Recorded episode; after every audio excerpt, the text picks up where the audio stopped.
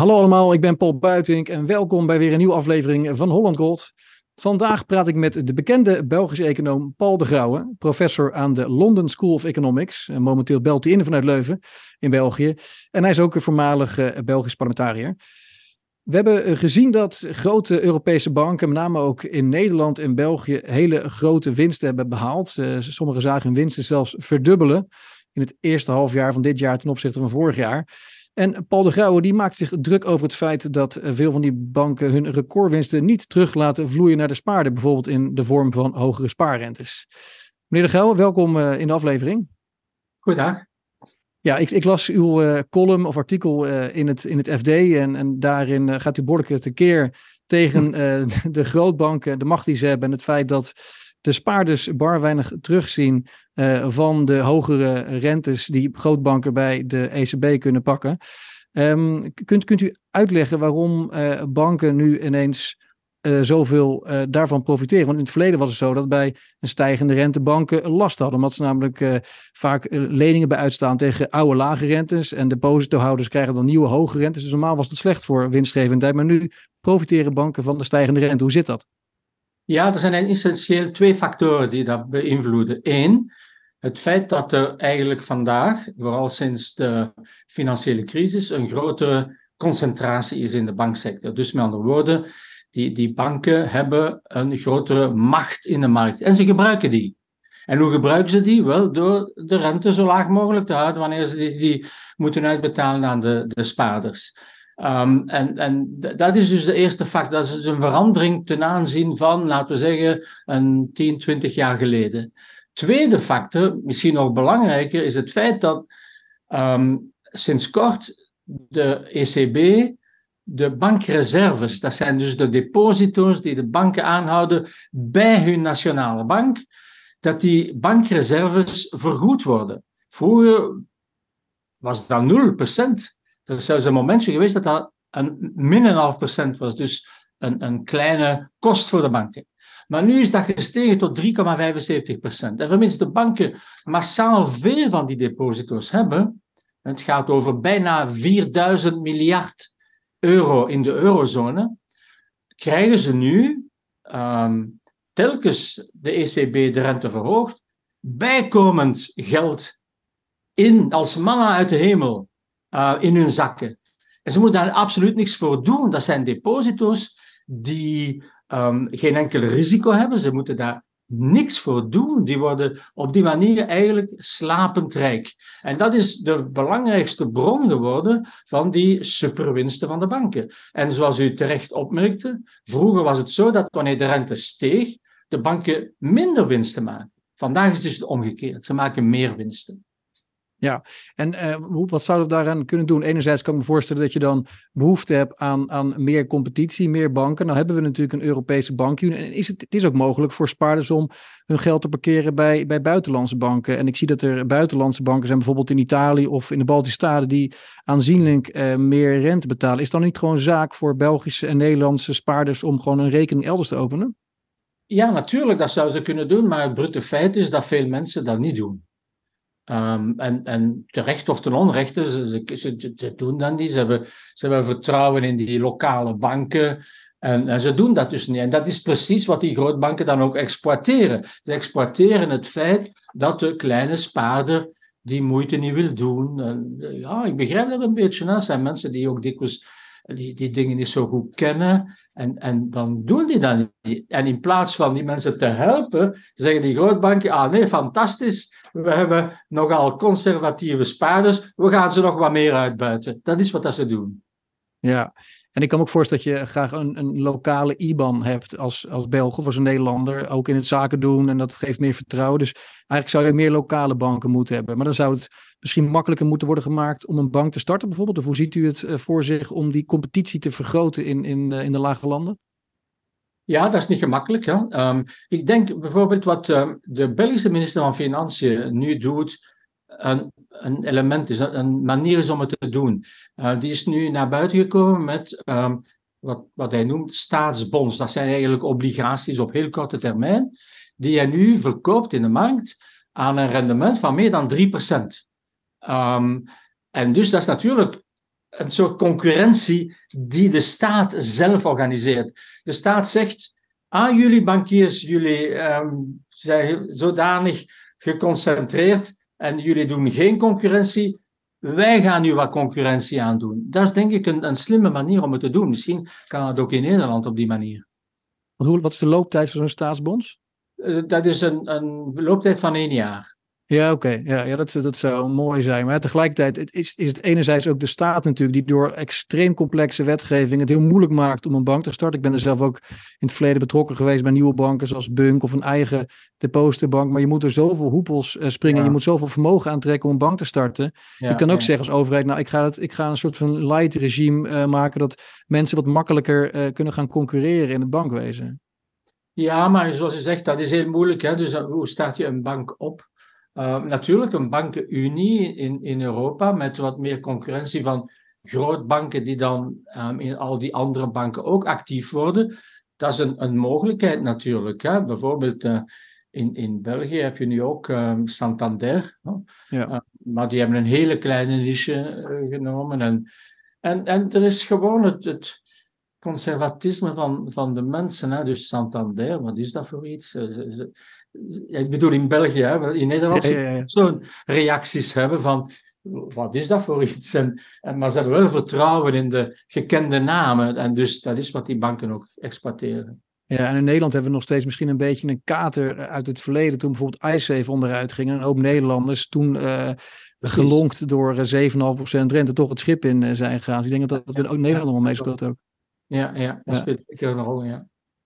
En, maar mensen natuurlijk ook gewoon kunnen, dan kunnen beleggen in zo'n bank. Dus als je denkt, van, nou die banken maken overwinsten, prima, ik koop aandelen. Ja, maar dan kun je aandelen kopen in, in veel andere dingen. Hè? Dus de, voor, voor vele mensen um, zijn aandelen niet aantrekkelijk omdat ze geen risico's willen nemen. Dus het, het gaat om mensen die niet echt um, risico willen nemen en die willen veiligheid. En dat is een grote groep mensen, die willen veiligheid. Ja. En die, zijn, die, die, willen niet in aandelen stappen, of wat dat nu banken zijn of andere. En, en het zijn die mensen die natuurlijk, kunt zeggen, ja, ze zijn dom, ze zouden dat maar moeten doen. Maar ja, het is nu eenmaal zo. Veel mensen prefereren veiligheid. Ja. Um, en ja, opnieuw, dat is wat de banken dan uitbuiten. Ja, inderdaad. Ja. En ik, kijk, op zich is het interessant dat je in België dan die, die, die staatsbonds hebt, waarmee de overheid rechtstreeks gaat uh, concurreren met de banken. In Nederland is het zo dat het fiscaal gezien onaantrekkelijker is om een staatsobligatie te hebben dan bankgeld. Want dat is, uh, dan word je in je box 3 uh, um, op belast, ja. op een hoger rendement dan, dan de bank. Dus terwijl de bank natuurlijk ook een vehikel is om een bank investeert in allerlei soorten zaken, leningen, maar ook staatsobligaties. Dus eigenlijk gek dat je via je bank uh, dan indirect wel uh, exposure kunt hebben op staatsobligaties met een, met een gunstiger fiscaal tarief dan als je rechtstreeks de staat gaat financieren. Ja, maar dus de, de, de Belgische minister van Financiën heeft daar een mouw aan gepast en die heeft de fiscaliteit op die staatsbonds verlicht. Ah. Ja, in plaats van de 30%, in België heb je 30% belasting op interesse en dividenden. Um, En hij heeft daar 15% van gemaakt. Ja, dat is slim. Kijk, ook in Nederland de helft van de staatsschuld is in, in buitenlandse handen. Dus op het moment dat je uh, Nederlanders rechtstreeks die staatsleningen laat kopen, dan kun je, hou je ook het, het geld in het land. Dus er ja, zijn precies. allerlei voordelen aan verbonden. Ja, ja precies. Ja, ja, klopt. Kijk, in Amerika heb je die geldmarktfondsen. Je vrij makkelijk uh, investeren in, um, in treasuries. In, in Nederland kun je een effectenrekening openen bij een broker. Kun je op die manier ook uh, meedoen. Maar eigenlijk komt ieder op hetzelfde neer. Het is voor de meeste mensen gewoon lastig. Uh, ze zijn conservatief en daar maken de grootbanken dus uh, ja, misbruik van. Ja, ja. ja, klopt. En dan het tweede punt wat u aansnijdt. Dus enerzijds heb je competitie, anderzijds hebben we de situatie dat ze ze nu um, op die reserves rente pakken. Daar is het wel een wijziging gekomen, toch ten opzichte van hoe het was? U bedoelt wijziging? Ja, in, dat die minimumreserves, uh, dat je nu alleen... Ja, ja, dat klopt, dat klopt, ja. Dus in juli heeft de ECB beslist om um, de vergoeding op de minimumreserve die de banken moeten aanhouden op nul te zetten. Maar ja, het is een heel laag minimumreservecoëfficiënt. Het is 1%. En als je het bekijkt, dan zie je het volgende.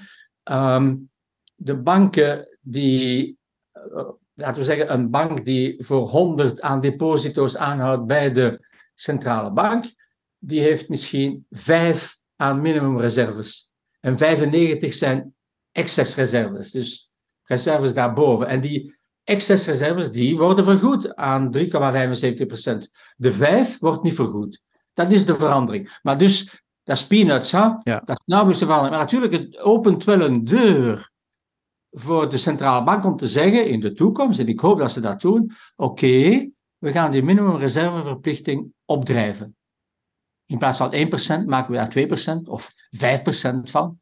En dan ga je natuurlijk in een soort two-tier system terechtkomen, waarbij een deel van die bankreserves niet vergoed worden en een ander deel wel vergoed worden. Dat was eigenlijk mijn voorstel, dat de centrale bank zoiets zou doen. En dus zou bijvoorbeeld 50-50 kunnen doen en zeggen, kijk, van die reserves die je nu hebt, 50, als, opnieuw mijn voorbeeld, 100 aan reserves die een bepaalde bank aanhoudt bij de centrale bank.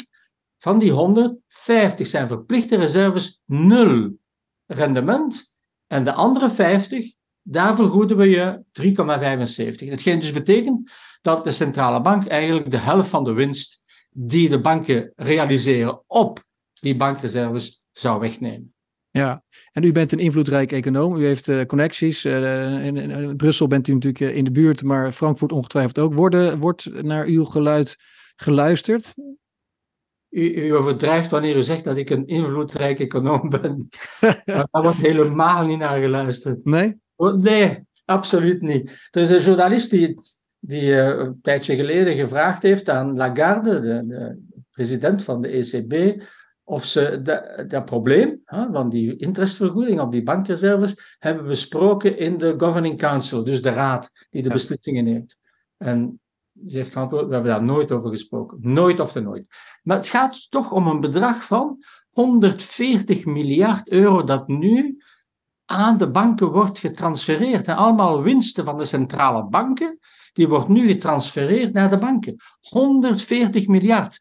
Weet Ja. je, de totale uitgaven van de Europese Unie zijn ongeveer 160 miljard op jaarbasis. De banken krijgen nu bijna hetzelfde. Dat is de totale uitgaven van de Europese Unie zonder enige voorwaarden. Ze moeten absoluut niks doen. Dat valt hen in de schoot. En dat is toch onwaarschijnlijk dat we zo'n dingen doen, dat we bereid zijn om te accepteren dat al de winsten van de centrale banken, plus nog extra, naar de commerciële banken gaan. Dat kan toch niet? Nee. Nou weet ik dat DNB, de Nederlandse bank, wel eh, onze podcast eh, volgt. Eh, dus, dus wellicht dat het via Amsterdam alsnog weer bij Frankfurt terechtkomt. Maar ehm, Harold Benink, hier ook een keer in de show geweest, eh, u wel bekend, die refereerde Ja. naar uw artikel in, in zijn laatste artikel in het FD. En die gaf aan, wat je ook kan doen, is ehm, de, er, de banken dwingen om die overwinsten eigenlijk eh, als kapitaal te reserveren, zodat de kapitaalbuffers omhoog gaan en we bij een volgende crisis sterkere banken hebben. Wat vindt u daarvan? Ja, ik vind, dat, ik vind dat een leuk idee in zekere zin, maar kom aan, de banken hebben nog nooit zoveel winst gemaakt. Ze hebben nog nooit zoveel winst gemaakt omdat eigenlijk de belastingbetaler geld toespeelt aan de banken. Dan vind ik dat we dat ook niet in de banken moeten houden. Want dat is eigenlijk een voorstel om dat in het kapitaal van de banken te steken. Oké, dat gaat ten goede komen aan de aandeelhouders. En waarom moet dat in godsnaam altijd ten goede komen aan de aandeelhouders? Ehm, de banken hebben nu kapitaalbuffers die volgens mij hoog genoeg zijn. Ehm, ze hebben ook eh, massa's liquiditeiten. Ik denk dat het beter is om te zeggen: kijk, eh, die, die winst die ze daar realiseren is, is niet verdiend. Ik bedoel, niet het resultaat van initiatief van de banken of ik weet niet wat. Het is gewoon een transfer van de winsten van de centrale banken naar de commerciële banken. En Ja. die winsten van de centrale banken zouden eigenlijk naar de belastingbetaler moeten gaan. Vergeet niet dat centrale banken die maken winst. Waarom? Omdat ze het monopolierecht hebben gekregen van de overheid om die euro's uit te geven.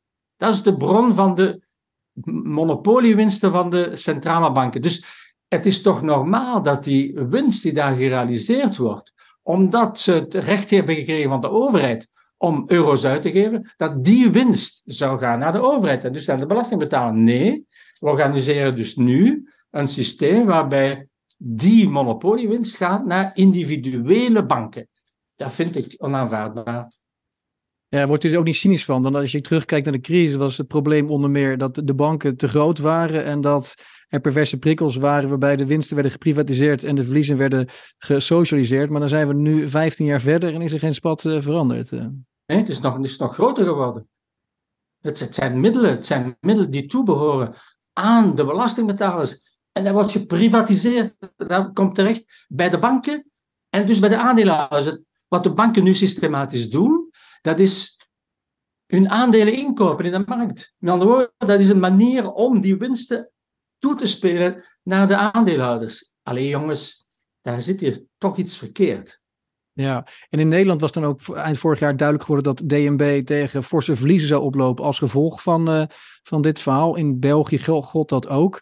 Maar nou, in België is de centrale bank ook deels in private handen, toch? kunt u dat even uitleggen? Ja, 50 procent, ja, ja, ja. Dus bij België is daar een soort unicum. Ik dat er nog één of twee bank, centrale banken in de wereld zijn met zo'n statuut. Eh, vroeger was het, was het bijna de regel, dus dat de centrale banken in private handen waren. Maar de meeste uh, landen hebben dat allemaal genationaliseerd op een bepaald moment.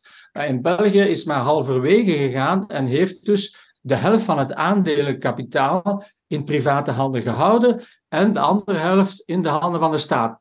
Met um, eigenlijk de, stemrecht 50 plus 1 voor de staat. Dus de staat beslist in feite over die dingen. Maar um, heeft toch elk jaar worden dividenden uitgekeerd aan die private aandeelhouders. Maar dat is allemaal geregeld wettelijk, hoeveel die dividenden mogen zijn. En dus die, uh, als, als centrale banken um, excess winst maken, dan gaat dat in feite naar de, de schatkist. Hè?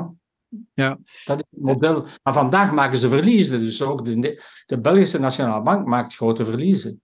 Ja. Nog als laatste hoofdstukje misschien twee vragen over iets waar u ook veel over heeft gezegd en geschreven in het verleden. De kwetsbaarheid van de euro. Dan is de eerste vraag, eh, in hoeverre gaat een digitale euro um, de euro wat u betreft sterker maken? Uh, ik denk dat dat weinig invloed zal uitoefenen op uh, de, sterkte van de euro. Um, om te beginnen zullen die dingen toch altijd heel beperkt blijven. Ik heb begrepen dat als men in die richting gaat, dat er, um, dat er toch beperkt zal zijn. Dus het zal niet zo zijn dat die digitale euro's um, de deposito's die wij aanhouden bij de banken zal vervangen, um, omdat daar een plafond zal op staan. Hè? Dus uh, de banken hebben ervoor gezorgd dat uh, als er zo'n digi zo digitale euro komt, dat dat beperkt zal zijn. Dus de, de omvang van die deposito's die elk van ons bij de centrale bank zal kunnen aanhouden. Maar goed, um, ik denk dat dat eh, weinig invloed zal uitoefenen. Het probleem met de kwetsbaarheid van, van de euro heeft te maken met het feit dat de overheden, de Belgische staat, de Nederlandse staat, een schuld uitgeven in een munt die niet meer de nationale munt is. Het is alsof het een buitenlandse munt is. En dus de Nederlandse overheid, de Belgische overheid of de Franse overheid heeft geen directe controle op de uitgifte van de euro. Dat gebeurde in Frankfurt bij de Europese Centrale Bank. En dus dat betekent ook dat um, die overheden geen foolproof 100% uh, waarborg kunnen geven aan de obligatiehouder dat die zal terugbetaald worden bij vervaldag.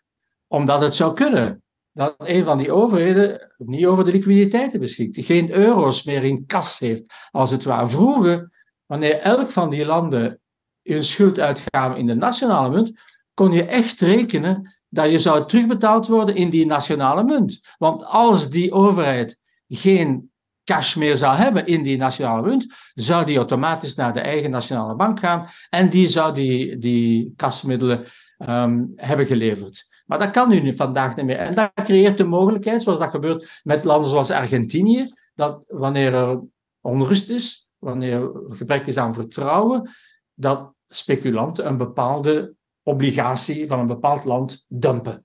En dan krijg je zo'n crisis zoals we dat gekend hebben in de periode 2010-2012. Dus dat is eigenlijk de, de oorsprong van die kwetsbaarheid van de euro. En dat zal dus niet veranderen of we nu een bijkomende ehm, digitale euro hebben. Dus dat, dat, aan de structuur van dat probleem verandert dan niks. Nee, en het, het feit dat die digitale euro zo wordt beperkt, eh, laat denk ik andermaal zien hoe uh, machtig de bankenlobby is. Precies, precies. Maar zeg, er is eigenlijk in de jaren 30 was er een voorstel van economen van Chicago om dat eigenlijk te doen. Om in feite de betaalmiddelen volledig te laten gebeuren door de, de overheid. En dus een, in, op dat moment bestond er nog geen digitale munt. Maar eigenlijk zou dat een soort toepassing zijn van het Chicago-plan. De centrale bank geven de digitale euro's uit en monopoliseren het gehele betaalsysteem. Dat zou dus betekenen dat de banken vandaag een heel ander uh, model zouden moeten ontwikkelen, want ze zouden eigenlijk geen deel meer uitvormen van het betaalsysteem. Maar zover zal het dus niet gaan. Nee, dat is dus full reserve banking eh, versus uh, fractional reserve banking. Zou je daar een voorstander van zijn van zo'n model zoals de Chicago School of in Nederland ja, ons geld? Wel, eigenlijk wel. We hebben gezien dat de banken buitengewoon kwetsbaar zijn. Hè? En dat zal nog gebeuren. We hebben een financiële crisis gehad en die heeft te maken met, met het feit dat zij het betaalmiddel um, genereren, maar tegelijkertijd uh, kredieten toestaan die vol risico's zijn. En dus dat, betaal, dat systeem van betaalmiddelen is gebaseerd op krediet dat heel risicovol is. En dus, once in a while, en dat zal nog gebeuren, wordt dat door elkaar geschud en dat betaalsysteem komt in problemen. En dan komt heel de economie ook in de problemen terecht. Dus ik ben daar wel voorstander van. Maar ja, dat zou natuurlijk een revolutie zijn ook voor het bankwezen. Hè? Dus dat zou een totaal ander soort banken uh, impliceren. Ja, en die fragiliteit van de euro uh, heeft u net uh, goed omschreven. De enige manier, denk ik, om het goed op te lossen is meer uh, centralisatie en, en politieke slash fiscale unie. Alleen daar zijn heel weinig, althans, er zijn heel veel mensen kritisch over, waaronder uh, ik zelf, omdat ik denk dat we cultureel te verschillend zijn. Maar is dat, is dat uiteindelijk wat u betreft de, enige uh, weg voorwaarts om, om die politieke unie ook daadwerkelijk te vormen met een centrale bank die eigenlijk whatever it takes als, als standaard onderdeel van haar beleid maakt? Dat is zo het utopische, hè? het utopische ideaal op de duur. Ja, ik, ik denk wel dat dat eigenlijk de, de, oplossing is op termijn. Maar ja, ik begrijp ook wel dat dat vandaag niet mogelijk is, omdat, zoals u terecht zegt, ja, veel mensen willen dat vandaag niet. Hè? Dus we zijn, wij, in, Nederland identificeren de mensen zich met Nederland. Dat is hun identiteit. In vele andere landen heb je ook zoiets. En, en dus die, die identiteit omvormen tot iets Europees, uh, waarbij je zegt, um, mijn, mijn Griekse um, broers en zussen, daar ben ik even solidair mee als mijn Nederlandse broers en zussen. Daar zijn we toch nog ver van verwijderd, denk ik. Um, en, en, ja, dus dat is de realiteit, dus ik ben mij daarvan bewust. En, maar misschien verandert dat in de toekomst, wie weet. Ja, nou, hele sobere, maar uh, realistische conclusie, denk ik. Uh, ik. Ik weet dat u een, uh, een harde deadline heeft. Ik vind het sowieso fijn dat u even tijd wilde vrijmaken om, om dit gesprek te hebben.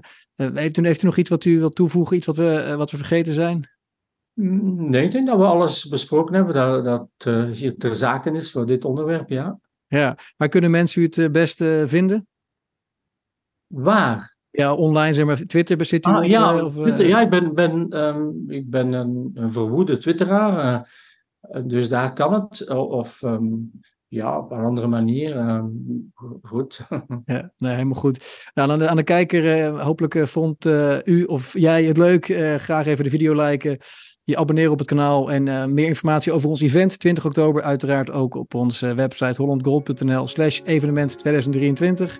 Dan meneer De Gouwen, ik wens u een heel fijn weekend en dank voor het gesprek. Hoi ook, dank u. Dag. Dag.